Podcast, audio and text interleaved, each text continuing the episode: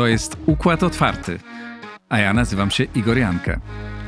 Muzyka Chopina i rywalizacja o to, kto jest najlepszym wykonawcą jego utworów, wywołują niezwykłe emocje w Warszawie i na całym świecie.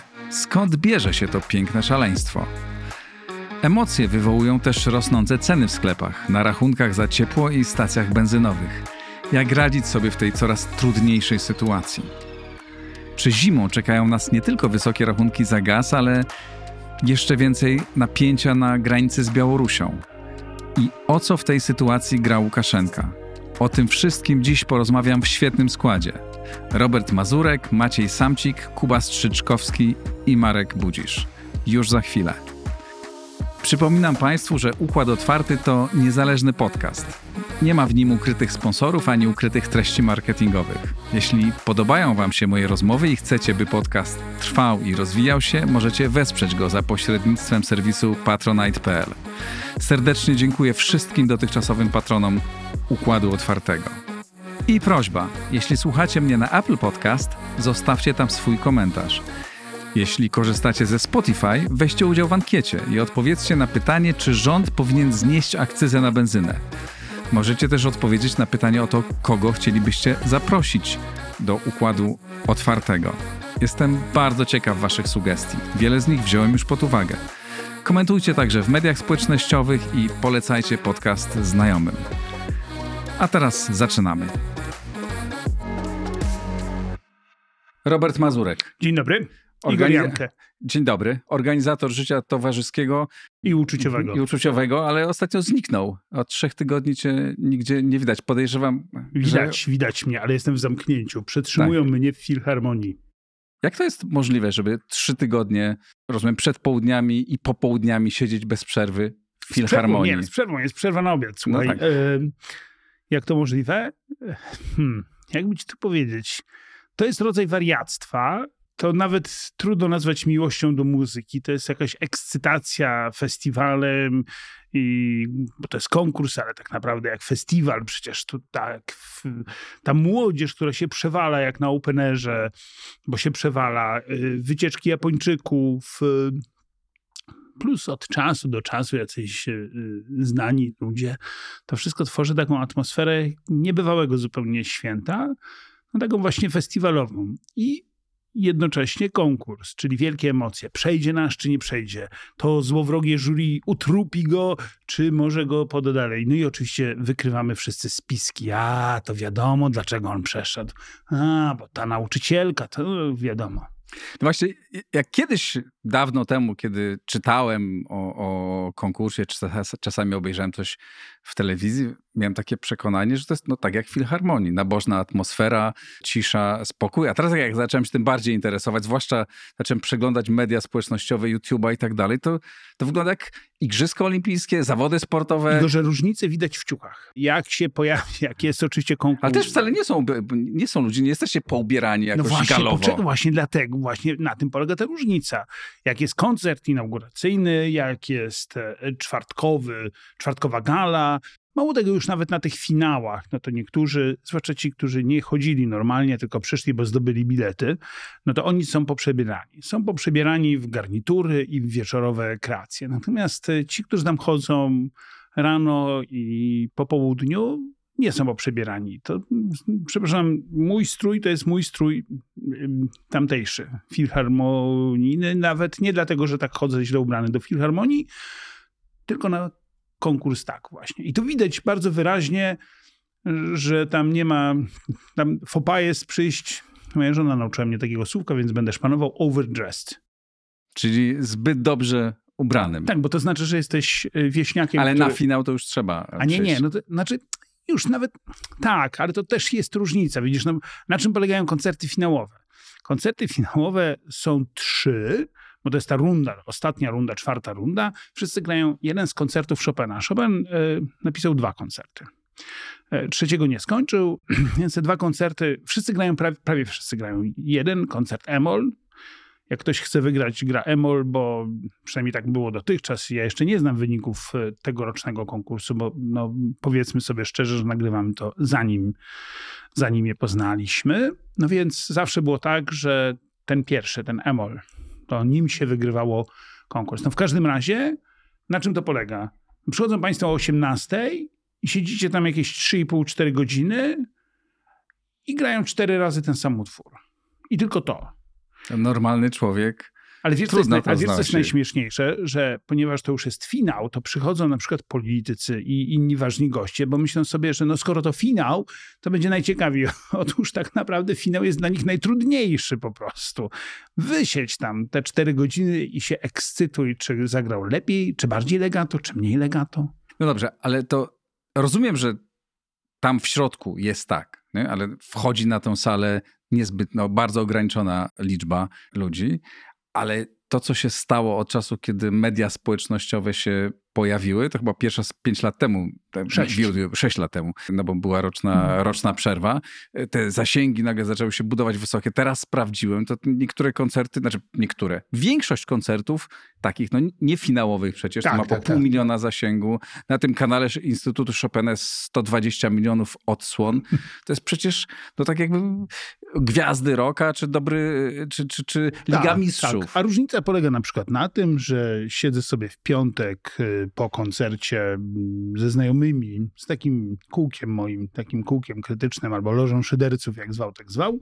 Siedzimy sobie w knajpie i wchodzą dwie światowej sławy gwiazdy pianistyki i nic, nic. Wchodzą Nikt ich normalnie. nie rozpoznaje. Nikt ich nie rozpoznaje. Siadają sobie, zamawiają sobie po e, szklaneczce whisky, popijają, pogadają, poszli do domu. Ale prawdopodobnie to, Więc to to, nie są ostat, jednak ale to ostatnie, rocka byłyby, Tak. wiesz... ale to ostatnie dni są e, ich takie, no bo już teraz te twarze zaczynają być rozpoznawalne, te nazwiska, jeszcze trudno je e, zapamiętać i tak, wymówić. Po, po, podobno już na przykład jeszcze przed ogłoszeniem, jeszcze przed finałami Garcia Garcia, to taki Hiszpan, który wdarł się przebojem i zdobył serca nastolatek oraz nastolatków. Proszę, tak już już, już sam język, jak się mówi o Chopinie. Wdarł się Chopinem przebojem i zdobył serca na No, ale, stolatek. ale bo tak było, wiesz, to on już rozdawał autografy, natomiast no, to nie jest, y, wiesz, chciałbym, żeby było tak, jak mówisz, to tu od razu będzie element polemiki, bo chciałbym, żeby było tak, jak mówisz, to znaczy, że to rzeczywiście jest coś, czym żyją ludzie. Mam niestety obawę, że to jest bańka. Może większa niż y, nam się wydawało, ale jednak bańka. Nie, no, oczywiście, że to nie jest, to nie jest super masowe, ale jednak e, jeżeli pół miliona ludzi, oczywiście nie tylko z Polski, bo z całego świata, e, Jasne. słucha koncertu nie najważniejszego, tylko jednego z Tak, bardzo tak. wielu koncertów. Jeżeli widzę, że o 6 rano ustawiają się kolejki, ludzie ze stołeczkami przychodzą, a jest zimno i to nie jest specjalnie e, przyjemne po to, żeby Dostać wysłuchać... jakąś wejściówkę, tak. Dostać jest- wejściówkę też, wiesz, bo to czasami, bo to oczywiście, tak, wejściówki, czasami pojawiają się, pojawiały się bilety, pojawiały się rzucane w internet i znikały. Ja nie wiem, kto to w ogóle kupował, bo to, to trzeba było mieć jakieś, jakiś dar, wiesz, tam trzeba było siedzieć chyba cały czas i patrzeć, o, jest i ziu. No ale tam chodzisz, więc skądś Ja. jakoś wchodzisz. Tak, ale tak, rozumiem, że są załatw- równi, no nie, nie, nie. równiejsi. O, bardzo cię przepraszam, nieprawda. Po pierwsze, są ludzie zapobiegawczy, a po drugie są ludzie, którzy też pracują, więc połączenie tych dwóch rzeczy pozwoliło mnie wejść. Domyślam Natomiast, się. No nie, Dobrze, ale ale... jak to jest, jeszcze tak, ludzie biorą urlopy, no bo trzy tygodnie, to jest przed południem po południu, no to Niektórzy- normalni ludzie tak. pracują. uczniowie biorą sobie wagary, sam ich poznałem i szczerze mówiąc, chętnie bym im napisał usprawiedliwienie do szkoły. Myślę, że nikt ich za to nie goni. Bo to absolutnie jest. e, Uczniowie biorą sobie wagary, ludzie biorą sobie urlopy, albo tak sobie ustawiają pracę, żeby, żeby nie pójść, albo znam ludzi, którzy mi piszą, nic nie mogę zrobić w domu, bo e, w pracy jak jestem, to słucham przedpołudniowych koncertów, a po południu wieczornych, więc dziecko nie umyte, robota w biurze nie zrobiona, a ja tylko Chopin i nigdy się o to nie podejrzewałem. No, ja myślę, że taki, znaczy domyślam się, że to pewnie ta liczba ludzi, i liczba ludzi Mhm. rośnie cały czas, Tak. bo, no bo to jest, tym się zaraża. Znaczy ja powoli sam zauważam u siebie, zaczynam zarażać, obejrzałem sobie raz, potem Poczekaj, drugi, potem... poczekaj za 4 lata, bo tym razem nie będziesz No musiał wiem. czekać całych pięciu, za 4 lata będziesz tam siedział. tak, Będziesz tam siedział i będziesz się ekscytował, bo Ale jak właśnie, jak to jest, jak ludzie tam trafiają? Poza takimi, którzy no, od dziecka są melomanami, bo ich mama prowadziła ale do nie, no, czasami ludzie trafiają przypadkiem, wiesz, bo na przykład na te przedpołudniowe, poranne, zwłaszcza na początku, pierwszy etap, drugi etap, mm, na te przesłuchania są wejściówki i one są tanie. Więc można sobie tak naprawdę normalnie przyjść, kupić wejściówkę, wejść i już. No to jest wejściówka, nie jest numerowany bilet, ale bez przesady da się to załatwić. I ludzie czasami sobie tam wchodzą na takiej zasadzie, a co mi tam, no. Raz sobie pójdę, nie? No to wiesz, no. Raz to można nawet pójść do teatru. I to trafia ludzi i już są za, tak, zarażeni. Bo nagle się ty jak oni fajnie grają. Później oczywiście przychodzi taki, mm, taka myśl, że ja bardzo przepraszam, bo ja jestem laikiem, ja się nie znam, ja nie rozpoznaję, czy ten ładniej, czy ten gorzej, ale mi się ten bardziej podoba. I to, i to znaczy, że już jesteś trafiony. To jest tak jak To jest tak jak z winem. Ty jesteś ekspertem od wina, a ja jestem konsumentem e, Ale wiesz, wina. Ja, ja, ja, wina, ja wina dzielę na dwa gatunki, te, które mi smakują, te, które mi nie smakują. bardzo dobrze. I to jest podstawowy podział. I tak samo jest z muzyką, bo jest coś, co ci się podoba, a jest coś, co ci się podoba mniej.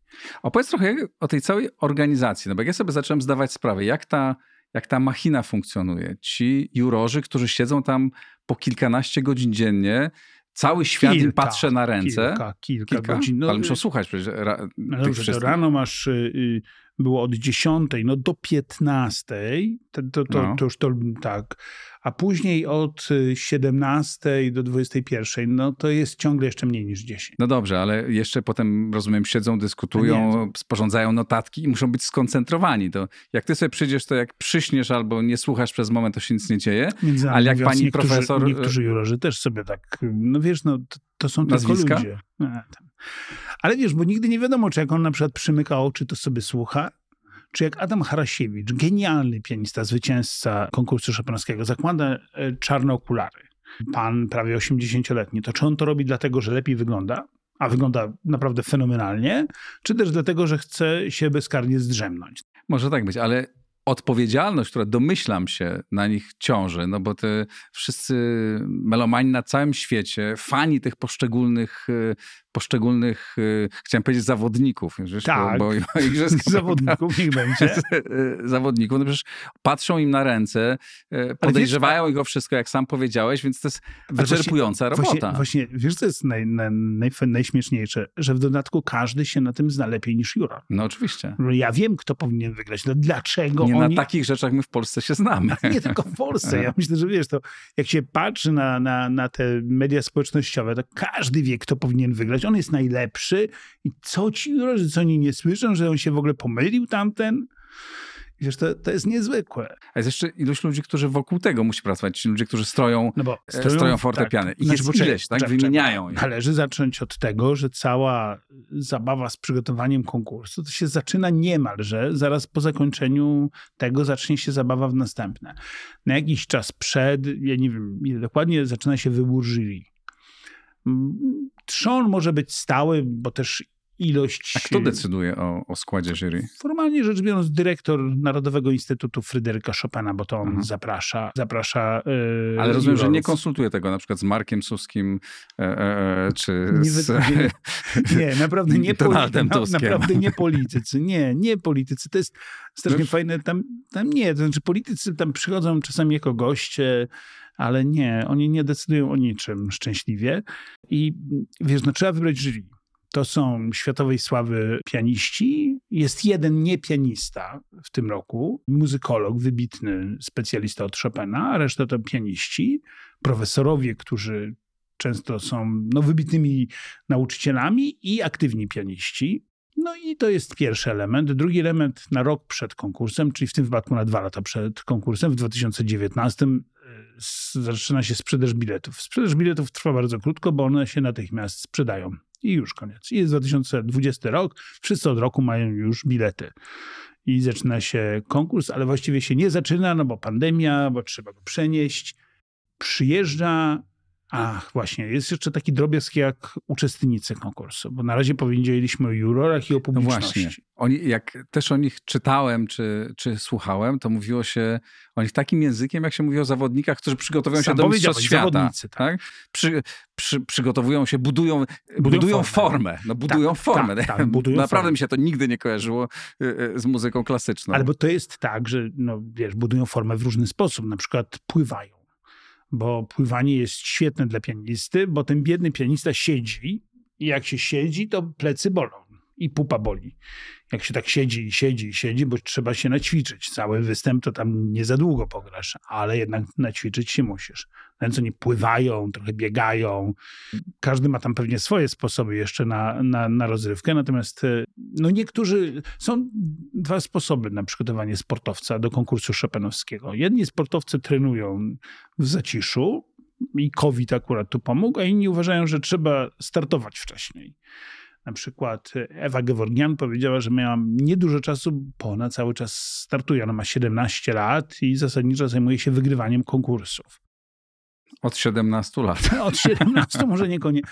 Słuchaj, ja nie, wiesz, miałem dziurawą pamięć, ale mogę, mógłbym sprawdzić, ale któraś z zawodniczek azjatyckich od drugiego roku życia, drugiego roku życia gra na instrumencie.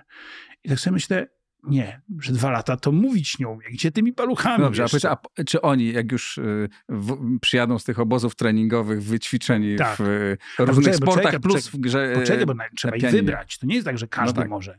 Ty na przykład masz duży talent, ale obawiam się, że nie od razu że nie od razu nie? Byśmy, nie. A w przyszłym roku, za, za 4 lata nie, nie mam Ograniczenia szans. wiekowe, ty jesteś młodym człowiekiem, no ale tam mogą cię trafić. W każdym razie. Ja, jeszcze, się nie nauczyłem, jeszcze się nie nauczyłem w ogóle grać, ale talent noszę w sobie. Słuchaj, Dank Tyson zaczął grać chyba 8 lat przed tym, zanim wygrał w konkursie szopenowskim, a pierwszy raz grał z orkiestrą w finale konkursu szopenowskiego. To nastawiam się na ten I za, wygrał, za następny. I wygrał w 1980 roku. Natomiast czekaj, bo ci chciałem jeszcze powiedzieć, że najpierw są eliminacje, preeliminacje, później są eliminacje. Jak już są eliminacje, to awansujesz do pierwszego etapu. Tam czasami mogą doskoczyć jeszcze inni, bo na przykład są laureatami innych ważnych konkursów. To wtedy mogą bez eliminacji dostać się do pierwszego etapu. I wtedy jest pierwszy etap. W tym roku było tam ponad 80 osób. Z tego pierwszego etapu przychodzi mniej więcej co drugi. To tak zawsze jest. Co drugi, co drugi, co drugi przychodzi do kolejnego etapu. A jak oni się ze sobą e, kontaktują się ze sobą? Mhm. To jest przyjazne, czy to jest napięcie, Niektórzy rywalizacja, się... nienawiść? E? Ale to wiesz, to tak jak sportowcy. Przepraszam, Aha. no to porównanie e, jest, będzie nam towarzyszyć chyba do końca tej rozmowy. Niektórzy się znają i lubią. I nawet wspierają. Sam to widziałem jak Aleksander Gedzijew ściska się i tam gratuluje na przykład swojej koleżance, to byłaby Michel Candotti, tak samo Armelini. No, w każdym razie widać, że Włosi się znają. Niektórzy się muszą znać, bo na przykład ćwiczą u tych, tych samych tak. profesorów. Tak. Poza tym widzieli się na poprzednich konkursach. Czy Chopinowskim, bo niektórzy są nie po raz pierwszy, czy innych konkursach. I e, niektórzy się lubią, no ale wiesz, to tak zależy. No niektórzy są w ogóle generalnie bardzo skupieni i zajęci na. A co jest niesamowite, że z tego z jednej strony zrobiło się takie popowe show, bo jak oglądam te relacje w internecie, że ty rozumiem, oglądasz na żywo, więc tego nie wiesz, to mogę ci powiedzieć, że pokazują na przykład, yy, znowu chciałem powiedzieć, zawodników, artystów przed wejściem na scenę, jak się przygotowują, tak jak jakimś reality show w TVN. Ale ja to też widziałem, ja nie za, czasami nie mogłem Jak oni się stresują albo tak, się ten, tak. to, ale to buduje rzeczywiście niesamowitą atmosferę wokół tego, tylko że naj, najpiękniejsze w tym jest to, że to w ogóle nie zepsuło tego, tej istoty. To dalej jest piękna, wspaniała, niezwykła, niezwykła muzyka. To jest niesam, najbardziej niesamowite jest to, że my gadamy o czymś, co dla wielu ludzi pewnie ciągle jest obce i myślą sobie, Jezus Maria Chopin. E, ale to dlatego, że nie dali sobie szansy. Ja wspomniałeś o tym, że piszę o winie. Jest tak, że jak się powie ludziom, że na przykład słodkie wina są dobre, to reakcja jest taka, o Jezus Maria, słodkie. Słodkie musi być okropne. Ciocia z Małkini piła kiedyś słodkie. Chyba, że zagraniczna ale nawet zagraniczne. To musi być podłe, bo to takie słodkie, takie landrynki. No, dopóki nie spróbujesz, to nie wiesz, że dobre. Z Chopinem jest dokładnie tak samo. Jak nie wpadniesz, jak nie wsiąkniesz, nie dasz sobie szansy, a już jak tam nie wleziesz, to nie wiesz, że to jest pasjonujące. Ale jednocześnie jest takie zderzenie tej, tej kultury wysokiej i, i, tego, co jest najniższe w nas, czyli tej zamiłowania do rywalizacji. No przecież teraz nieprzypadkowo gry od gry, wszędzie wokół wszystkiego organizuje się gry, bo to ludzi kręci. No, konkurs, tak samo tutaj konkurs, konkurs jest taką... No nie, ale konkurs powstał trochę z innego powodu. Znaczy Jerzy Żurawe wymyślił to po to, żeby ustalić, jak się gra Chopina. E, bo się każdy grał tam inaczej i to w ogóle było niedopuszczalne. E, szybko się stało trochę inaczej, to znaczy dopuszczamy to, że są różne interpretacje i Bogu niech będą dzięki. E, znaczy ja w ogóle uważam, że oryginałów zawsze należy nagradzać, bo oni czasem przesadzają, ale to oni i niosą tego Chopina dalej. No, ludzie z jakiegoś powodu chcą słuchać Iwo Pogorelicza, nie no już zostawmy, oszczędźmy niektórych laureatów, o których świat zapomniał. To jest tak niesamowita promocja Polski. Cały czas narzekamy na to, że nie umiemy się promować, albo jak już teraz u nas piszą na świecie, to piszą strasznie, bez przerwy Tak. i tak dalej, i tak dalej. Tu jest, tu nic lepszego nie moglibyśmy, nie, mo- nie moglibyśmy I wymyślić. też nie ma co wymyślać. Tak. No, umówmy się, że Robert Lewandowski i Fryderyk Chopin. No, to specjalnie niewiele więcej. No dobrze, to teraz, y, y, żebyś nie miał tak przyjemnie, żebyś mógł się skompromitować za kilka dni, ponieważ jak już zdradziłeś, nagrywamy to przed finałem. Część z Państwa będzie już słuchać tego podcastu po, o, o, I zapytasz po mnie, kto finale. wygra. Kto wygra? No powiedz. Któryś z pianistów. A, jeden z nich. Jeden z nich to jeden z, Z- albo z ja- ja nawet- 12. Z finalistów, Jeden z domyślam się. finalistów, tak.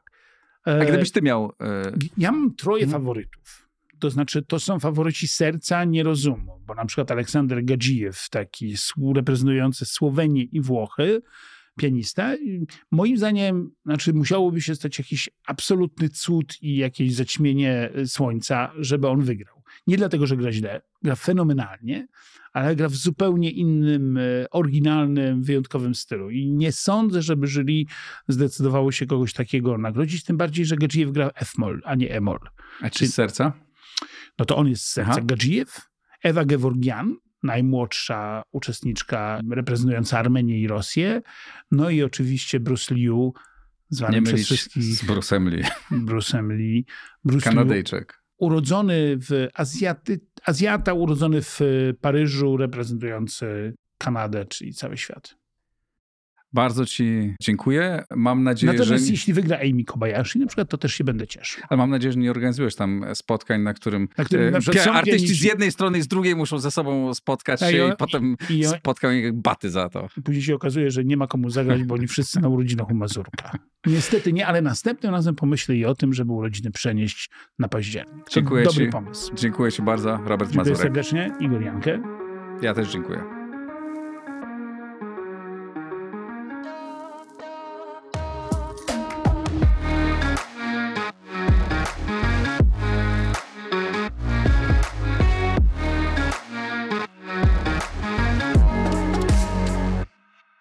Maciej Samcik, autor bloga, podcastu i wielu innych przedsięwzięć o nazwie Subiektywnie o finansach. Witaj serdecznie. Witam Ciebie.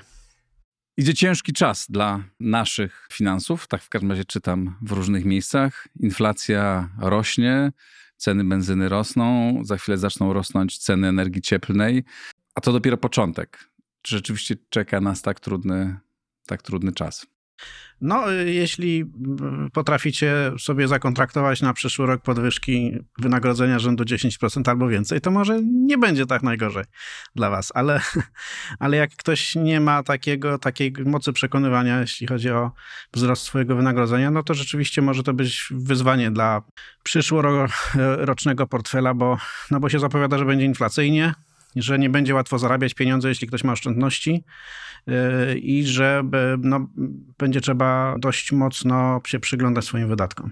A kiedy rosnące ceny energii, no bo to będzie ten podstawowy czynnik, prawda, po- m, wzrostu cen, zaczną się przekładać na ceny e, pod tych codziennych produktów, z których korzystamy i usług? No to trudno powiedzieć, bo to na, na każdym rynku to trochę inaczej wygląda. Natomiast tak standardowo, jak t, pamiętam poprzednie e, takie wy- wystrzały inflacji, 25-lecia mojej kariery dziennikarsko-blogowej, kiedy się tym zajmuję, no to dwa kwartały, trzy kwartały, tak po- podejrzewam, że na początku przyszłego roku albo powiedzmy wczesną wiosną już zaboli. Mhm. Ale to zaboli tak, że będą, będzie wzrost, nie wiem, kilkuprocentowy, czy to może pójść znacznie, znacznie wyżej? Znaczy on nie będzie taki sam dla wszystkich, Mhm. bo jeśli ktoś Co to robi znaczy? zakupy w Biedronce, Mhm. no to ta Biedronka będzie robiła wszystko, żeby u niej ceny za bardzo nie wzrosły. Oni podnoszą tylko tyle, o ile muszą. Będą cisnąć swoich pracowników, tak, ograniczać koszty własne, będą cisnąć pod dostawców, będą cisnąć pod dostawców pośredników, ale postarają się, żeby, no bo to jest dyskont, tak? Zresztą, znaczy to Biedronka jest tutaj jakby wyłącznie jako przykład, nie jako konkretna marka, mówimy o, o, o tanich sklepach spożywczych. No ale one dominują dzisiaj na One rynku. dominują, tak, bo to jest największa, największa część rynku, tak? Natomiast y, na przykład w usługach moim zdaniem będzie dużo więcej niż kilka procent. bo Mhm. w, na usługi znacznie łatwiej prze, przerzucać y, koszty. No idziemy codziennie do tego sklepu i widzimy, jak coś podrożało. I, I jak nam się nie podoba, że podrożało, to idziemy do sąsiedniego sklepu, który właśnie jest obok, tak, bo tych sklepów Tak. jest dużo. A jak idziemy do fryzjera raz na miesiąc, a jak potrzebujemy raz na kwartał po, pomocy informatyka, jak idziemy do lekarza raz na dwa miesiące, to my nie zauważymy, że to kosztowało y, o 20, 30, 40 zł mniej. Więc jakby jeśli chodzi o, o te, o te rzad, o usługi przede wszystkim i o rzeczy, które kupujemy rzadziej, to tu ten wzrost będzie znacznie bardziej dotkliwy. No i zapewne z tego, co mówisz, jeżeli dyskonty będą starały się trzymać e, ceny, a ich koszty działalności będą rosły, no to ktoś za to zapłaci. Rozumiem, że zapłacą dostawcy w takim razie. E, Tak, no dzisiaj. To jest taki rynek, taka ta nowoczesna gospodarka, że największą część marży zawiera pośrednik. Ten, kto jest między mną, konsumentem, a tym, kto wyprodukował jakąś Mhm. rzecz czy usługę. Tak, tak jest właściwie, no, no, czem, czegokolwiek by nie dotknąć, to tak jest. Jak zamawiam pokój w hotelu, to 30% ceny bierze pośrednik, tak. Kupuję coś y, od rolnika, to się okazuje, że to jest trzy razy tańsze niż w sklepie. Więc i to moim zdaniem ten proces b- będzie się nasilał. To znaczy będzie w pierwszym, zanim, zanim oczywiście nadejdzie taki moment, że się już nie da w ten sposób wyciskać wsz- wszystkich poza konsumentem i wtedy się zacznie wyciskanie konsumenta.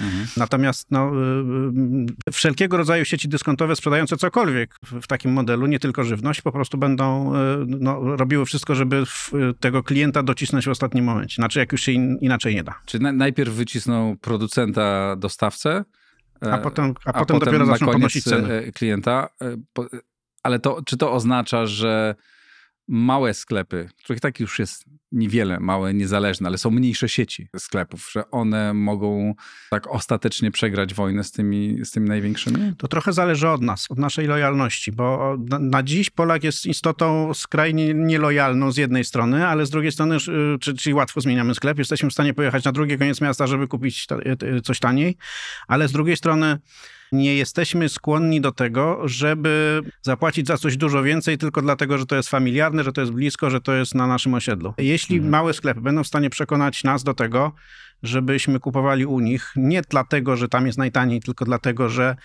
no, może się okazać, że tego sklepu za chwilę nie będzie i będzie trzeba pójść dalej kupować w sklepie większym, kupować rzeczy gorszej jakości, no to, to wtedy przegrają. To znaczy, y, jedyną nadzieją jest to, że będzie wystarczająco duża grupa klientów, którzy bardziej cenią jakość niż taniość. No bo to nie idzie w parze. To się Ale nie da, żeby było tanio i nie na przykład się. zdrowo.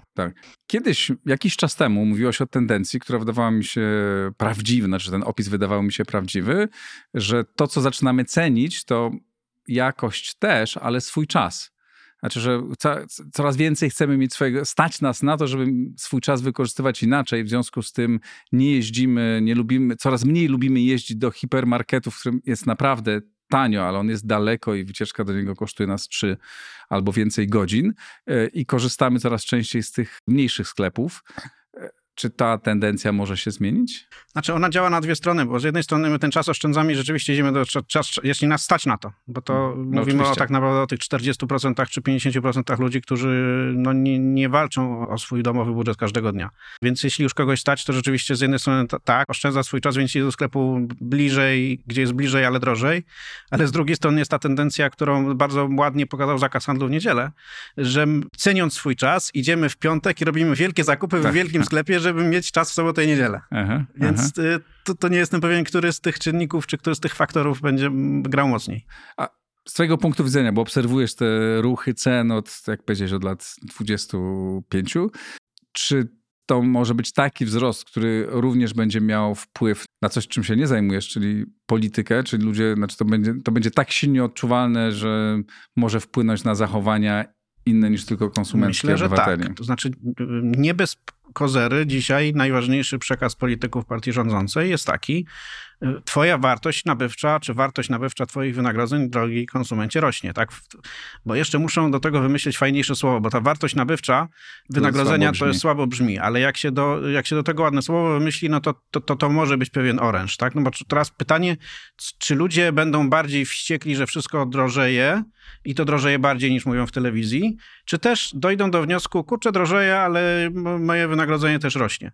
E, ogólnie z wynagrodzeniami jest tak, że one w średnio rosną o te 9% rocznie, ale to jest po pierwsze ten wzrost dotyczy tylko jednej trzeciej gospodarki, czyli pracowników największych firm, najlepiej wynagradzanych. A po drugie, on dotyczy tak naprawdę tych najniżej zarabiających, najmniej zarabiających na pensji minimalnej, no bo pensja minimalna rośnie administracyjnie podnoszona i tych najlepiej wynagradzanych, czyli tych, naj, najle, naj, tych specjalistów, którzy jak powiedzą, że chcą zarabiać 20% więcej albo rzucają papierami i, i mają następnego dnia 10 ofert pracy, no to ci dostaną te 20% podwyżki. Między tymi dwoma grupami jest cała taka e, szara masa. Nie jestem w stanie powiedzieć, czy to jest 40% ludzi, czy 60%, ale oni nie wywalczą tych 10% podwyżki, bo oni, ani nie robią nic takiego mhm. wyjątkowego, ani ich pensja nie jest regulowana administracyjnie e, i, no, i oni mogą się zdenerwować. I oni realnie, realnie mogą stracić i nawet zmiana podatków po polskim ładzie, po wprowadzeniu polskiego ładu dla tej grupy, no bo część grupy bez wątpienia na tym zyska, czy to może zrekompensować, znaczy doprowadzić do tego, że oni nie zauważą E, tak drastycznie tej, tej podwyżki? Tych nie umiem na to pytanie odpowiedzieć, w takim sensie, że mm, e, może być różnie. To znaczy, pytanie, jak Polski Ład wpłynie na inflację. Jeśli będzie tak, że on uderzy w e, tak zwaną no, klasa średnia, bo teraz jest duże nieporozumienie z klasą średnią, więc może nie używajmy w ogóle tego sformułowania, ale jeśli on uderzy w ludzi, którzy, nie wiem, dzisiaj zarabiają 12 tysięcy, są informatykami, prawnikami, lekarzami i reakcja będzie taka, że wzrosną ceny, tych usług wszystkich, no to, to, to ktoś, kto zarabia dzisiaj 5 tysięcy albo 4 tysiące złotych na rękę i na Polskim Ładzie jest y, powiedzmy 100 zł do przodu albo 150. Jednocześnie płaci y, też 150 zł więcej za, za wszystko tak naprawdę. No wtedy tego, tej korzyści z Polskiego Ładu może nie być. Ale ogólnie rzecz biorąc, to dobra wiadomość dla rządu jest taka, że dopóki inflacja ta realna w naszych kieszeniach nie przekroczy tych, nie wiem, 10%, nie będzie dwucyfrowa i to tak po, po całości. Bo dzisiaj wiadomo, że jak pójdziemy po pomidory, to one będą o 10% droższe, no ale z drugiej strony tam buty nie są 10%. Ale jak wszystko I będzie... lokomotywy stadzieją. I lokomotywy, tak jest. No, ale jeśli tak już wszystko po całości będzie o te 10% droższe, no to wtedy, wtedy rząd ma problemy, ponieważ większość ludzi nie będzie w stanie dostać takich podwyżek i się zacznie burzyć. Mhm. I, no i mo, może nie, nie złapać tej narracji o rosnącej wartości nabywczej. To teraz przejdźmy na punkt widzenia tych ludzi, którzy dostaną po obie, no bo wszyscy dostaniemy tak czy, tak czy inaczej. Jakie strategie powinni przyjąć ci, którzy zarabiają poniżej 5 tysięcy i którzy nie mają szansy na łatwą podwyżkę? Dajesz wiele rad takich, gdzie można oszczędzać, to gdzie w takich czasach można oszczędzać, nie obniżając radykalnie e, poziomu życia? Generalnie to jest tak, że każdy z nas w swoim domowym portfelu ma mniej więcej 10, no od 5, od 5 do 10%, ale większość z nas ma 10% zbędnych wydatków. Aha. I to jest y, w większości, w przypadku większości z nas to jest to, co jest w lodówce. To znaczy kupujemy za dużo, kupujemy i, i potem nam się to psuje i wyrzucamy. Więc lepiej pilnując tego, co kupujemy i lepiej planując zakupy i nie kupując za dużo i nie, nie dadając się nabrać na te reklamy kup więcej, kup więcej, no bo to więcej jest tańsze, ale po prostu potem się tego nie da zużyć. Aż 10% można to jest tak, tak, tak. To jest, to jest pewnie jak w banku. To znaczy, ja to kiedyś nawet na sobie sprawdzałem. Zrobiłem przez kilka miesięcy taki test, policzyłem rzeczy, które wyrzucałem z lodówki i to było w moim przypadku tam chyba 8 czy 9% w skali miesiąca. I to Czyli jest pieniądz wyrzucony w błoto. Jak to w kryzysie, on może nas uzdrowić. Znaczy, nie będziemy wydawać pieniędzy niepotrzebnie. No tak, chodzi o to, żeby nas uzdrowił, zanim, zanim staniemy na krawędzi bankructwa, bo tak. generalnie my, większość ludzi zaczyna w ten sposób funkcjonować, jak już nie ma pieniędzy. No dobra, to pierwsza nasza rada dla wszystkich. Sprawdzajcie jeszcze raz, co co kupujecie. 10% mniej co najmniej możecie kupować, zdaniem Macieja Samcika. Tak, tak, tak. Tu jestem w stanie się założyć. Jeśli to dobrze policzycie, to, to na pewno. Druga rzecz to, są, to jest kwestia abonamentów. Znaczy, żyjemy w takiej gospodarce abonamentowej już powoli. Tak. To znaczy, mnóstwo wydatków nam przechodzi obok, yy, właściwie w sposób niezauważony, bo są po prostu bezboleśnie ściągane z karty.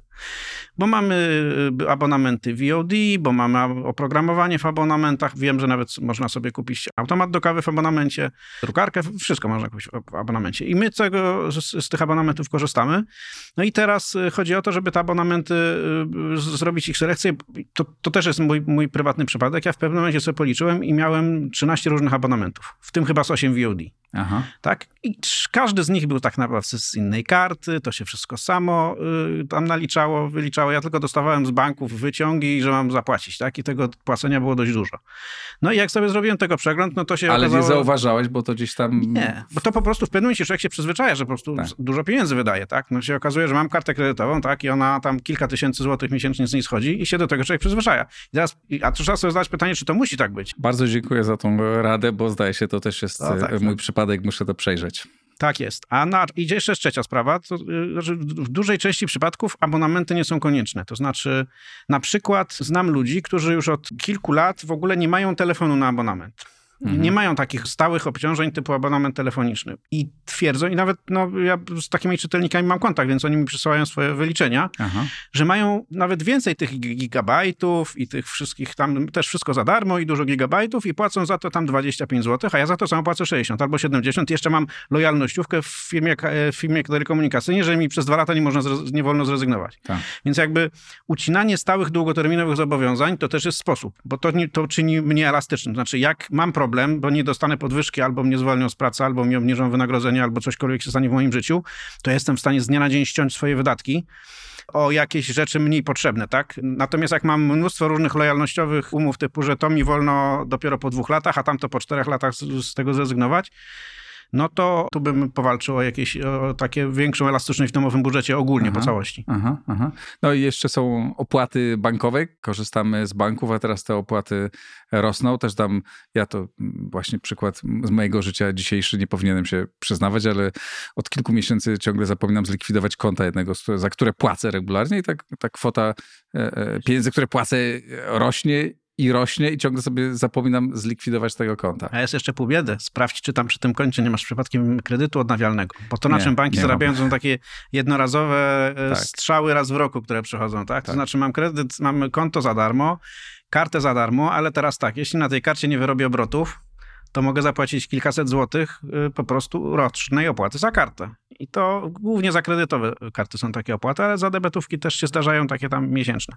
Dość dużo osób dzisiaj się łapie na to, że mają pootwierane kredyty, takie limity kredytów odnawialnych przy koncie, czyli że mogą po prostu zejść na, na koncie poniżej zera na 10 tysięcy, na 20 tysięcy, no i opłata za to jest kilka procent, 2-3%. No i Mhm. teraz jeśli mam 20 tysięcy złotych i bank naliczy raz w roku 3% od tego i to bank nie nalicza od tego, co wykorzystałem, tylko od tego, co mógłbym wykorzystać Tak. na całości, no to ja jestem, to ja dostaję 600 zł na przykład y, do zapłacenia, tak? Znaczy oni nawet nie, nic nie dostają, oni po prostu to ściągają z mojego konta. Czyli trzy rzeczy. Opłaty bankowe zweryfikować, abonamenty i i codzienne zakupy. Coś jeszcze? Jakieś jeszcze sugestia? No, znaczy tak, no większość z nas ma jakieś zadłużenia, więc y, powiedzmy, że to jest dobry moment, żeby spróbować z najdroższych z tych zadłużeń zrezygnować, no bo stopy procentowe idą w górę i pewnie Mhm. będą szły w górę, więc pewnie trzeba by się najdroższego kredytu pozbyć. Nawet kosztem tego, żeby go wydłużyć, żeby on był finalnie droższy, ale jeśli będzie mniejsza pojedyncza rata, to po prostu będzie też ta elastyczność budżetu. Bo to, Okej. to co dzisiaj w, w, jest bardzo ważne przed tym uderzeniem inflacji, które będzie za kilka miesięcy, to jest to, żeby mieć w, domowym budżecie elastyczność. Bo jak jej nie mamy, to jesteśmy, to prędzej czy później życie nas zmusi do tego, żeby pójść po chwilówkę. Mm, I to już jest kaplica. morderstwo. No dobrze, ale teraz porozmawiajmy o tych krótko, którzy mają pieniądze, którzy właśnie chcieli e, kupić mieszkanie, albo chcą zmienić samochód, albo kupić swój, kupić samochód. To jest e, dobry moment na kupowanie, czy najgorszy z możliwych? To jest ym, y, bardzo trudne Poza tym, że pytanie. to zależy. Tak, tak, to jest bardzo trudne. Ja Wiem, że y, analitycy uwielbiają odpowiadać, to zależy, ale w tym wypadku rzeczywiście to zależy. No bo tak, jeśli kup- ku- kupowanie mieszkania to jest taka decyzja życiowa, że tak się wyrażę. To znaczy, jeśli jestem w trudnej sytuacji mieszkaniowej, mieszkam z mamą, z rodzicami albo w, w bardzo małym mieszkaniu i mi się trafia lokal, który jest moim marzeniem, to ja nie będę czekał 3 lata, aż on będzie tańszy albo aż nie będzie droższy. Tylko ja po prostu podejmuję decyzję taką, żeby, która mi może poprawić jakość życia Jasne. i to tak długoterminowo, więc y, jakby tutaj cena nie ma znaczenia w pewnym sensie. Natomiast y, ogólnie rzecz biorąc, tu jest ta sama rada co poprzednio, to znaczy, że ja bym, jeśli mogę nie kupować, to bym raczej nie kupował niż kupował. Y, W takim, bo oczywiście rzeczy będą droższe, tak? Bo inflacja powoduje, że coś, no co właśnie, dzisiaj To kosztuje. mieszkanie będzie kosztować, które dzisiaj kosztuje 500, Tak. będzie Nie, kosztować nie, znaczy to 700. mieszkanie to nie dotyczy to, co ja mówię, tak? Aha. Bo to rzeczywiście jakby, mm, jeśli ktoś chce kupić mieszkanie, to, to, to, to nie, nie powinien to jakoś, mm, chyba, że chce inwestycyjnie kupić, zainwestować w mieszkanie, tak? Ale to też, to też jest rozmowa na, na referat, bo to nie jest tak, że kupuję pierwsze lepsze i ono na Jasne. pewno da mi zarobić, nie? Ale no, oczywiście wydaje mi się, że boom nieruchomości, na nieruchomości jeszcze może chwilę potrwać, ale nie wiem, czy to będzie rok, i potem się zatrzyma lub będzie spadek, czy też 3 lata. I jakby od tego, czy to będzie rok, czy 3 lata, zależy ta decyzja, jeśli chodzi o inwestycyjne mieszkanie. Natomiast kupowanie rzeczy, które, za, które innych typu samochód, lodówka, pralka, zanim podrożeją, o tyle do mnie nie przemawia, że to są rzeczy, które tracą na wartości zaraz po tym, jak je kupimy. Owszem, trzymam pieniądze w banku i jestem minus 5 na tym, tak, w skali roku, Mhm. albo minus 6, albo minus 7, no ale jak kupuję samochód, to jestem minus 20. Tak. Bo jak on wyjeżdża z salonu. Tak jak kupuję używany, to mniej, tak? Ale, ale ogólnie rzecz biorąc, to bym uważał na takie podejście, że kupię teraz, bo będzie drożej. To są rzeczy, które tracą na wartości znacznie szybciej. Kupuję, kupię dobrego smartfona dzisiaj, to on już za tydzień albo za miesiąc jest wart o 20% mniej, jakbym chciał go sprzedać. Czyli przed trudnymi, przed trudnym czasem, czy na początku tego trudnego okresu lepiej tego, czego nie musimy kupować i poczekać, zrobić sobie poduszkę finansową. Robić sobie poduszkę finansową, bo nie wiemy, jak to się zachowa. Znaczy, jesteśmy w bardzo dziwnym momencie. Ja, tak jak mówię, no, zajmuję się gospodarką od 20 lat, 5 lat, jak nie od 30. I no, czegoś takiego nie przeżyłem, co teraz mamy. To znaczy, nie Aha. było nigdy takiego do druku pieniędzy. Cykl gospodarczy, jak raz, najpierw mnie uczyli w szkole na studiach ekonomicznych, jak to wygląda, potem przez 30 lat to się sprawdzało. I teraz się może, moim zdaniem, nie musi sprawdzić, jak to się zachowa, bo po prostu jest na rynku ogromna ilość pieniądza, który został wydrukowany, który jest pusty, który właściwie nie wiadomo gdzie jest. On jest prawdopodobnie częściowo w naszych kieszeniach, prawdopodobnie częściowo w bankach. On jest wypuszczany teraz, widać, że, jest, że to powoduje y, wzrost cen właściwie wszystkich surowców, który się nie da tak szybko wyprodukować, żeby zaspokoić ten popyt z pustego pieniądza. Y, I, i właśnie nie wiem, jak będzie. Czy ta, czy ta inflacja będzie wynosiła, nie wiem, no był, 30 lat temu był taki moment, że była inflacja w Stanach Zjednoczonych 10-15%. I tak się utrzymywała przez kilka lat, czy kilka- kilkanaście nawet. Była trochę wyższa, trochę niższa, ale to było tam dwucyfrowo przez cały czas. Dlaczego miałoby się to, to, to nie wrócić? Tylko, że Może jak, tak jak mam pieniądze w banku i Tak. y, to, to, no to, to, to jest też oddzielna rozmowa, pewnie już nie, nie na dzisiaj, ale, e, ale czy, czy za 10 lat moje pieniądze w banku będą warte jedną trzecią albo, albo połowę tego realnie, co są dzisiaj warte, tak? I to też jest temat do rozmowy. Tak. Ostatnie pytanie na, na innym poziomie. Energia będzie drożała i to bardzo będzie drożała. Jeśli Unia Europejska będzie wdrażać ten projekt Fit for 55, to będzie radykalnie pójdzie w górę. Nie ma wyjścia. Czy rząd w tej sytuacji powinien dopłacać ludziom do energii, bo zapowiada, że to będzie, że to będzie robił i na to zresztą będą też pieniądze, żeby też z Unii, jak rozumiem, żeby, e, żeby dopłacać, żeby minimalizować ten, to uderzenie. No ale z drugiej strony to jest jakiś taki budujemy jakiś bardzo niezdrowy system, tak? w którym z jednej strony robimy ruchy, które wymuszają podwyżki cen, a z drugiej strony dosypujemy gdzieś pieniądze, żeby tak ludzie tych pieniędzy nie, nie, wymuszali. A skąd te pieniądze są? No przecież wzięte wcześniej ludziom. No więc ja już trochę przestaję wierzyć w ten, w ten Fit for 55, to znaczy wydaje mi się, że dopóki się sytuacja na rynku energii nie uspokoi, to nikt tego nie będzie wdrażał, bo to wtedy przywódcy unijni, jak jeden mąż, będą wywiezieni na taczkach przez własnych obywateli. Natomiast e, oczywiście ceny, wzrost cen energii jest nieunikniony. E, On będzie akurat w Polsce szybszy niż gdzie indziej, no bo nasz miks energetyczny jest po prostu e, mocno przestarzały.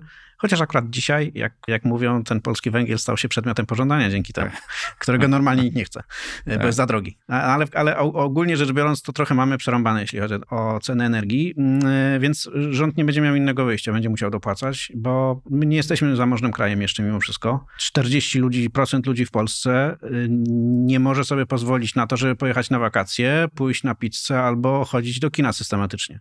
40%. No to niech jedna czwarta z nich dostanie strzał w postaci wzrostu cen energii o 100 100-200 zł y, miesięcznie, no to no to, to tutaj będzie trzeba coś zrobić. Oczywiście masz rację, to jest niezdrowe i to jest takie podejście socjalistyczne, czyli dopłacanie do różnych rzeczy po to, żeby ludzi nie balało, żeby im się wydawało, że jest taniej niż jest. Tylko, No że to jest niezdrowe, ale z drugiej strony no, na końcu ci ludzie muszą przeżyć, tak? Nie, nie chcemy e, takiej sytuacji, jak były na początku lat 90., kiedy wprowadziliśmy tak radykalne zmiany, które tak kierunkowo wydawało się nie były najgorsze, ale jednak cena za to dzisiaj widzimy była bardzo, bardzo wysoka i jesteśmy o to mądrzejsi. W pełni się z tobą zgadzam. Yy, O reformach Balcerowicza też mogę długo i namiętnie rozmawiać, ale pewnie już nie mamy czasu na to. Ale następnym razem chętnie o tym pogadamy. Maciej Samcik, bardzo Ci Dzięki. dziękuję.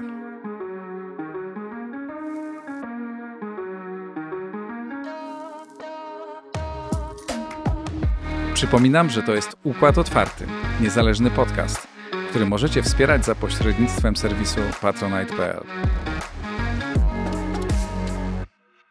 Kuba Strzyczkowski, Dzień dobry. Radio 357. Dzień dobry. Dzień dobry, Dzisiaj witam. zaprosiłem Cię jako eksperta, badacza opinii publicznej, Aha. ponieważ e, ci, którzy słuchali Kuby przez lata w trójce, wiedzą, że To rozmawiał z ludźmi. Zorientowali się, że nie jest ekspertem e, od niczego i słusznie państwo zauważyli, ale ale rozmawia z ludźmi i umie znakomicie słuchać. Teraz rozmawiasz w 357 co dziennie o Mhm. 12 tak, od poniedziałku do czwartku. i między innymi rozmawiałeś o tym, jak ludzie postrzegają to, co dzieje się na granicy z Białorusią. I co ci mówią Polacy i co wynika też z badań, które robicie. E, Dwu albo trzykrotnie mm, e, podejmowałem ten temat rzeczywiście w Radiu 357, zadając y, różne pytania, no bo wiadomo, że temat jest gorący i myślę, że mm, większość się tym interesuje, śledzi wydarzenia.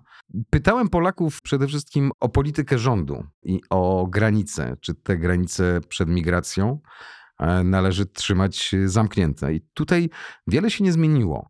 E, Ja tylko chcę powiedzieć, że rzecz jasna nie przywiązuje do wyników tych sąd e, takiej wagi jak do profesjonalnych różnych badań, bo to nie sposób. To jest oczywiście w jakiejś mierze niedoskonała próba.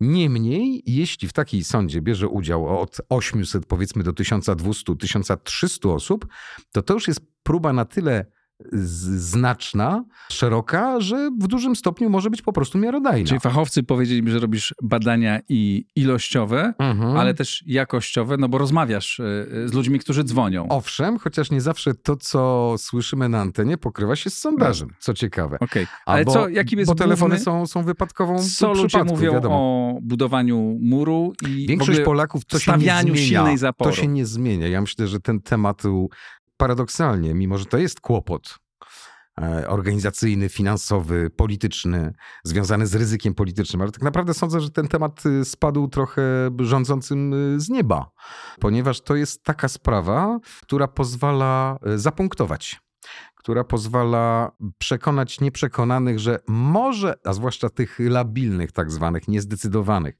że może z dwojga złego już dobra, niech ci rządzą. Ja oczywiście upraszczam, mhm. ale myślę, że spora część e, ludzi tak myśli w Polsce.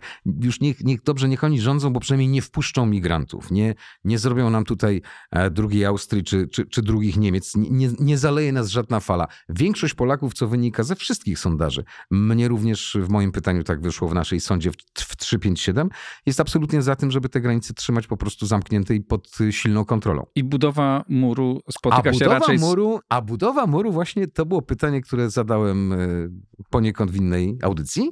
To jest troszkę inna historia. E, dlatego, że tutaj no, Polacy mają wątpliwości po pierwsze związane z wartością, wielkością, kosztami tej inwestycji. Ja przypomnę, że wstępnie w tym kosztorysie wyliczono to na miliard 612 milionów złotych. Powiem dwie rzeczy. Niewiele więcej, naprawdę niewiele więcej kosztowała nas też dyskutowana bardzo mocno przez swojego czasu budowa Stadionu Narodowego. A poza tym, jak Państwo zapewne wiedzą ze swoich y, remontów czy prób podejmowania budowy domu, no tak się życie układa i, i, i tak się często składa, że mm, potrafimy się mm, no, najgrzeczniej pomylić o te 10-15, jak mówię, najgrzeczniej e, w planowaniu takich inwestycji. W związku z tym pewnie słusznie Państwo podejrzewają, że to będzie kosztowało więcej. Ale co, i to stanowi, to stanowi argument przeciwko budowie? Eee, tak, ludzie zastanawiają się, czy przypadkiem tych pieniędzy nie należałoby spożytkować i przeznaczyć po prostu na coś innego. Ale generalnie więcej głosów miałeś przeciwnych? Czy... Już mówię, 33% y, uważa, a spośród ponad mm, tysiąca tych, którzy odpowiadali, wzięli udział w ankiecie internetowej, e, 33% uważa, że budowa tego muru jest potrzebna. Większość, czyli pozostała część do stu uważa, że jest absolutnie nam e, ta budowa niepotrzebna. Y, Myślę, że w dużej mierze przeraża ogrom wydatków. To, to ciekawe. Za chwilę e, porozmawiam z Markiem Budziszem o budowie, o budowie e, muru na granicy i o polityce Łukaszenki. A Tych murów zresztą, jak wiemy, w Europie powstaje coraz więcej. Tak, to E, prawda. mm, Bo to przecież na bardzo różnych granicach. Litwa, Łotwa, Estonia ostatnio postawiła płoty. E, Węgrzy mają swój mur. Tych murów będzie przybywać. To, to jest w ogóle Taki jest pytanie czas. o. Tak, ale pytanie też o przyszłość. Jak ta Europa, e, czy mm, węziej Unia Europejska będzie wyglądała za, za parę lat? Czy to nie będzie taka twierdza właśnie okrążona murem? To prawda. O tym będziemy wielokrotnie rozmawiać. Za chwilę będę rozmawiał o murze i o polityce wobec e, Białorusi, a Państwa zapraszam na poniedziałek. A E, co się będzie działo w W poniedziałek? poniedziałek oto będzie długa rozmowa z redaktorem Jakubem Strzyczkowskim A, na tak. inne tematy. Owszem. E, Będziemy rozmawiać o morzach, o samotności, o, O życiu, strachu, tak? o życiu, o radiu. Jak żyć, panie Kubo? Nie wiem, niech państwo sami kombinują. I na rozmowę o tym zapraszam Was w poniedziałek, niezależnie od tego, kiedy słuchacie naszej dzisiejszej rozmowy. Dziękuję bardzo, Bardzo Kuba. ja Do dziękuję. usłyszenia. Do usłyszenia.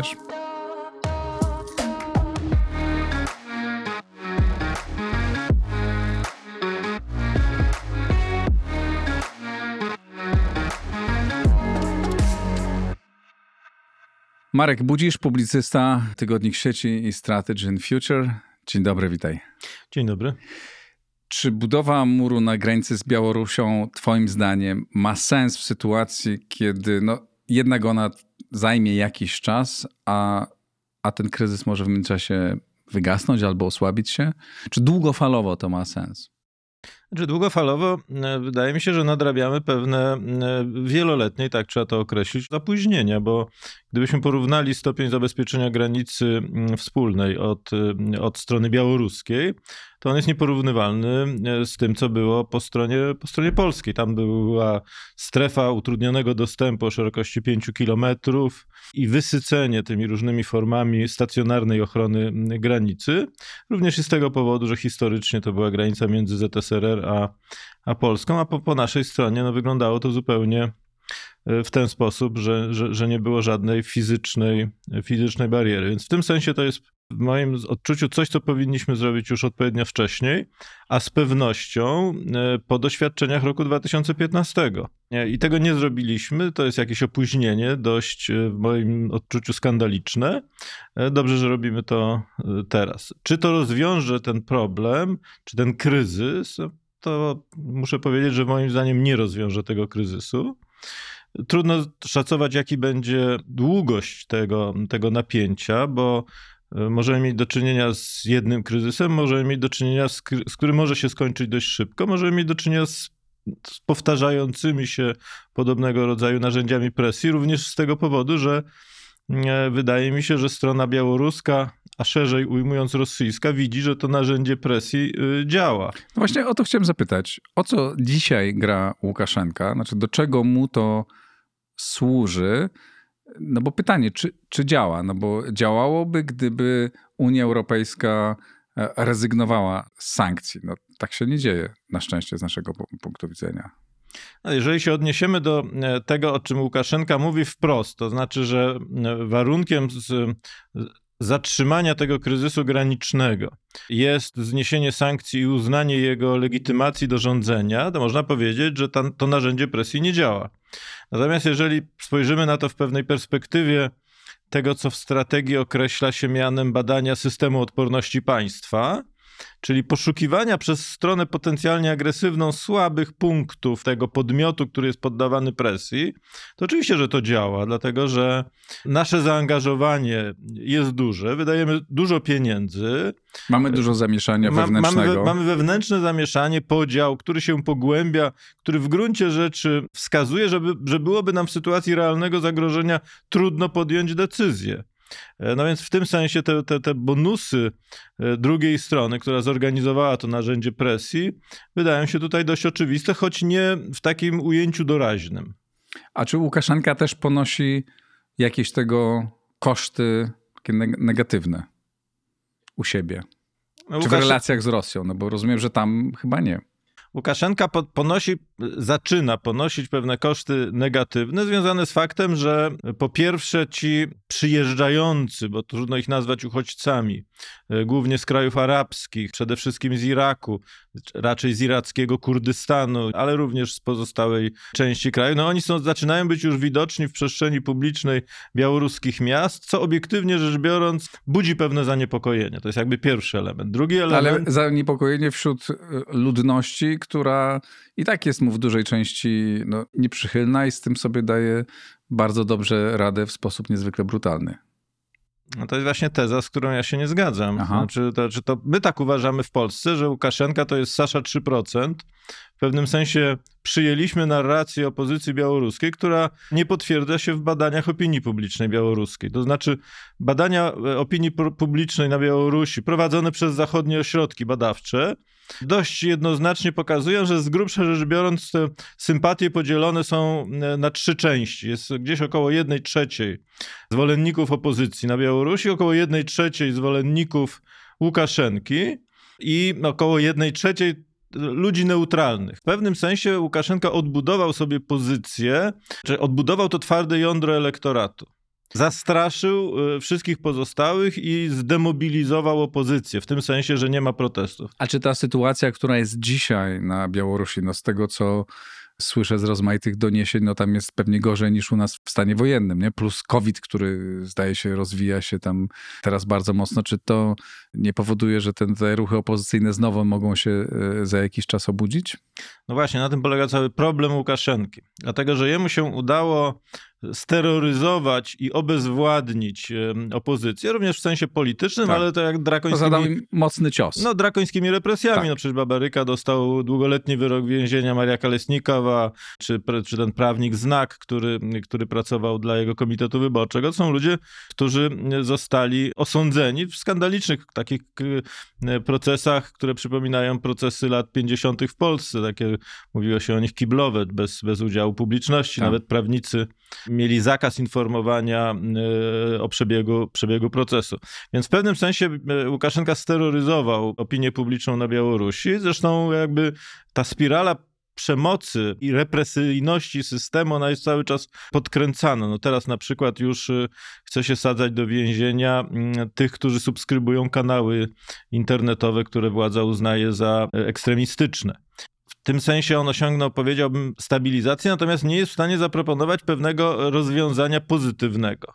Nie jest w stanie jakby uzyskać pewnej, pewnego ciężaru zmian społecznych, pozytywnych z punktu, widzenia, z punktu widzenia władzy, a to się wpisuje w sytuację, po pierwsze, może nie tyle pogarszającej się sytuacji gospodarczej, bo, bo tu paradoksalnie Łukaszenka ma lepszą sytuację gospodarczą w tym roku niż wszyscy eksperci zapowiadali. Ona się troszkę poprawia. Ona się e, e, nie destabilizuje, tak należałoby powiedzieć, w skali makro. Z punktu widzenia zwykłego Białorusina e, nie, nie ma poprawy, tylko jest pogorszenie poziomu życia, dlatego że przez pierwsze sześć miesięcy tam nieznacznie wzrosły realne, realne wynagrodzenia.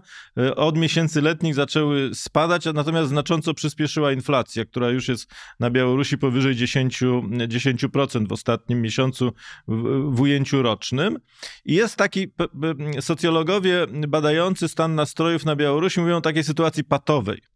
To znaczy, że e, Łukaszenka był w stanie steroryzować, ale nie jest w stanie zbudować na tyle silnego poparcia, żeby narzucić pewną pozytywną agendę.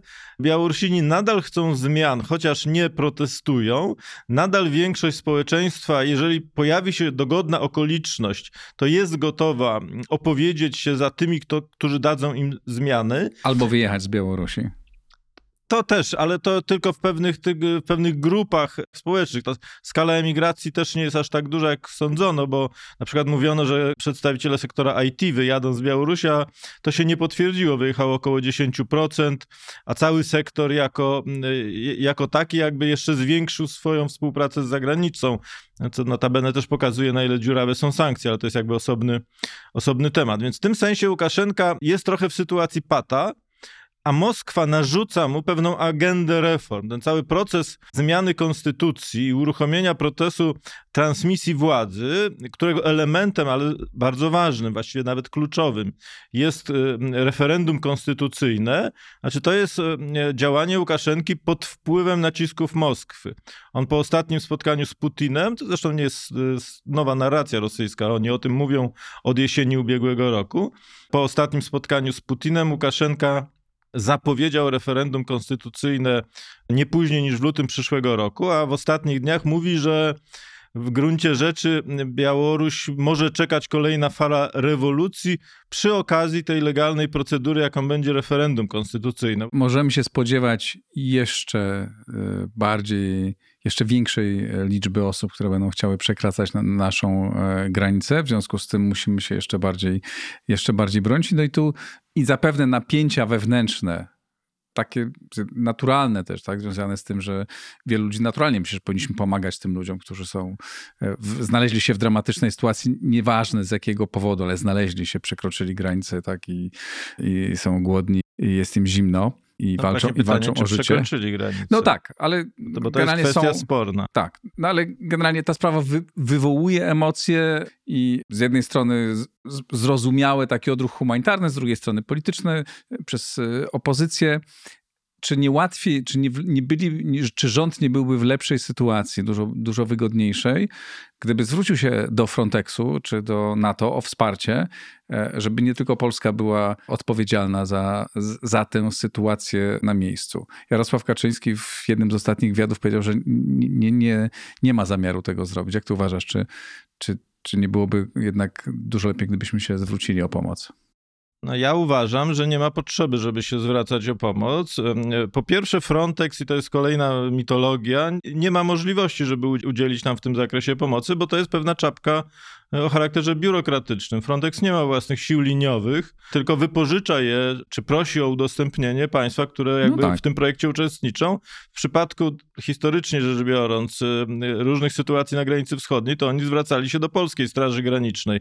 Więc w tym sensie raczej trudno mi sobie wyobrazić sytuację, że nie wiem, Hiszpanie zluzują ochronę swojej granicy w Ceucie, która jest jakby y, stale szturmowana przez y, falę uchodźców i przyślą tutaj nasze, y, do nas swoje siły. Jest No tak, ale nie tylko Hiszpanie są w Unii Europejskiej. Zgoda, ale do tego nie jest potrzebny Frontex. No tak jak Polska wysłała strażaków do Szwecji Jasne. e, czy, czy, czy do Aten, tak samo państwa Unii Europejskiej mają możliwość nawet wystąpienia z tego rodzaju inicjatywą Tak. wsparcia, a póki co tego nie robią, co jest jakimś sygnałem w tym, e, w tym, w tym zakresie, więc e, e, z NATO to jest w ogóle osobna historia, bo nie jesteśmy, nie jesteśmy obiektem agresji jakby de- definiowanej Jasne. w ramach tak Artykuł- zwanego artykułu 5. Artykuł 5 nie, nie wchodzi w grę, ale też zdaje się, są inne możliwości doprowadzenia tego, żeby tutaj by, na granicy były m, prawne żołnierze innych armii. Pytanie, czy taka sytuacja nie byłaby dla nas e, politycznie łatwiejsza?